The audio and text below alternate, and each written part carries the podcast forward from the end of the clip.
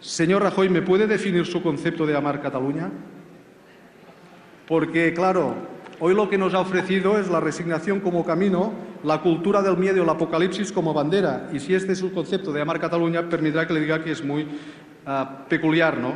Si tanto ama Cataluña, ¿por qué no respeta y promueve todo aquello que amamos los catalanes, como nuestra lengua, nuestras competencias, nuestra cultura, etcétera, etcétera? Porque usted cada viernes nos envía un mensaje de amor.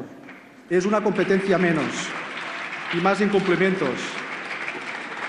Señor, señor Rajoy, ¿me puede definir su concepto de mejor unidos? ¿Cuál es su concepto de mejor unidos?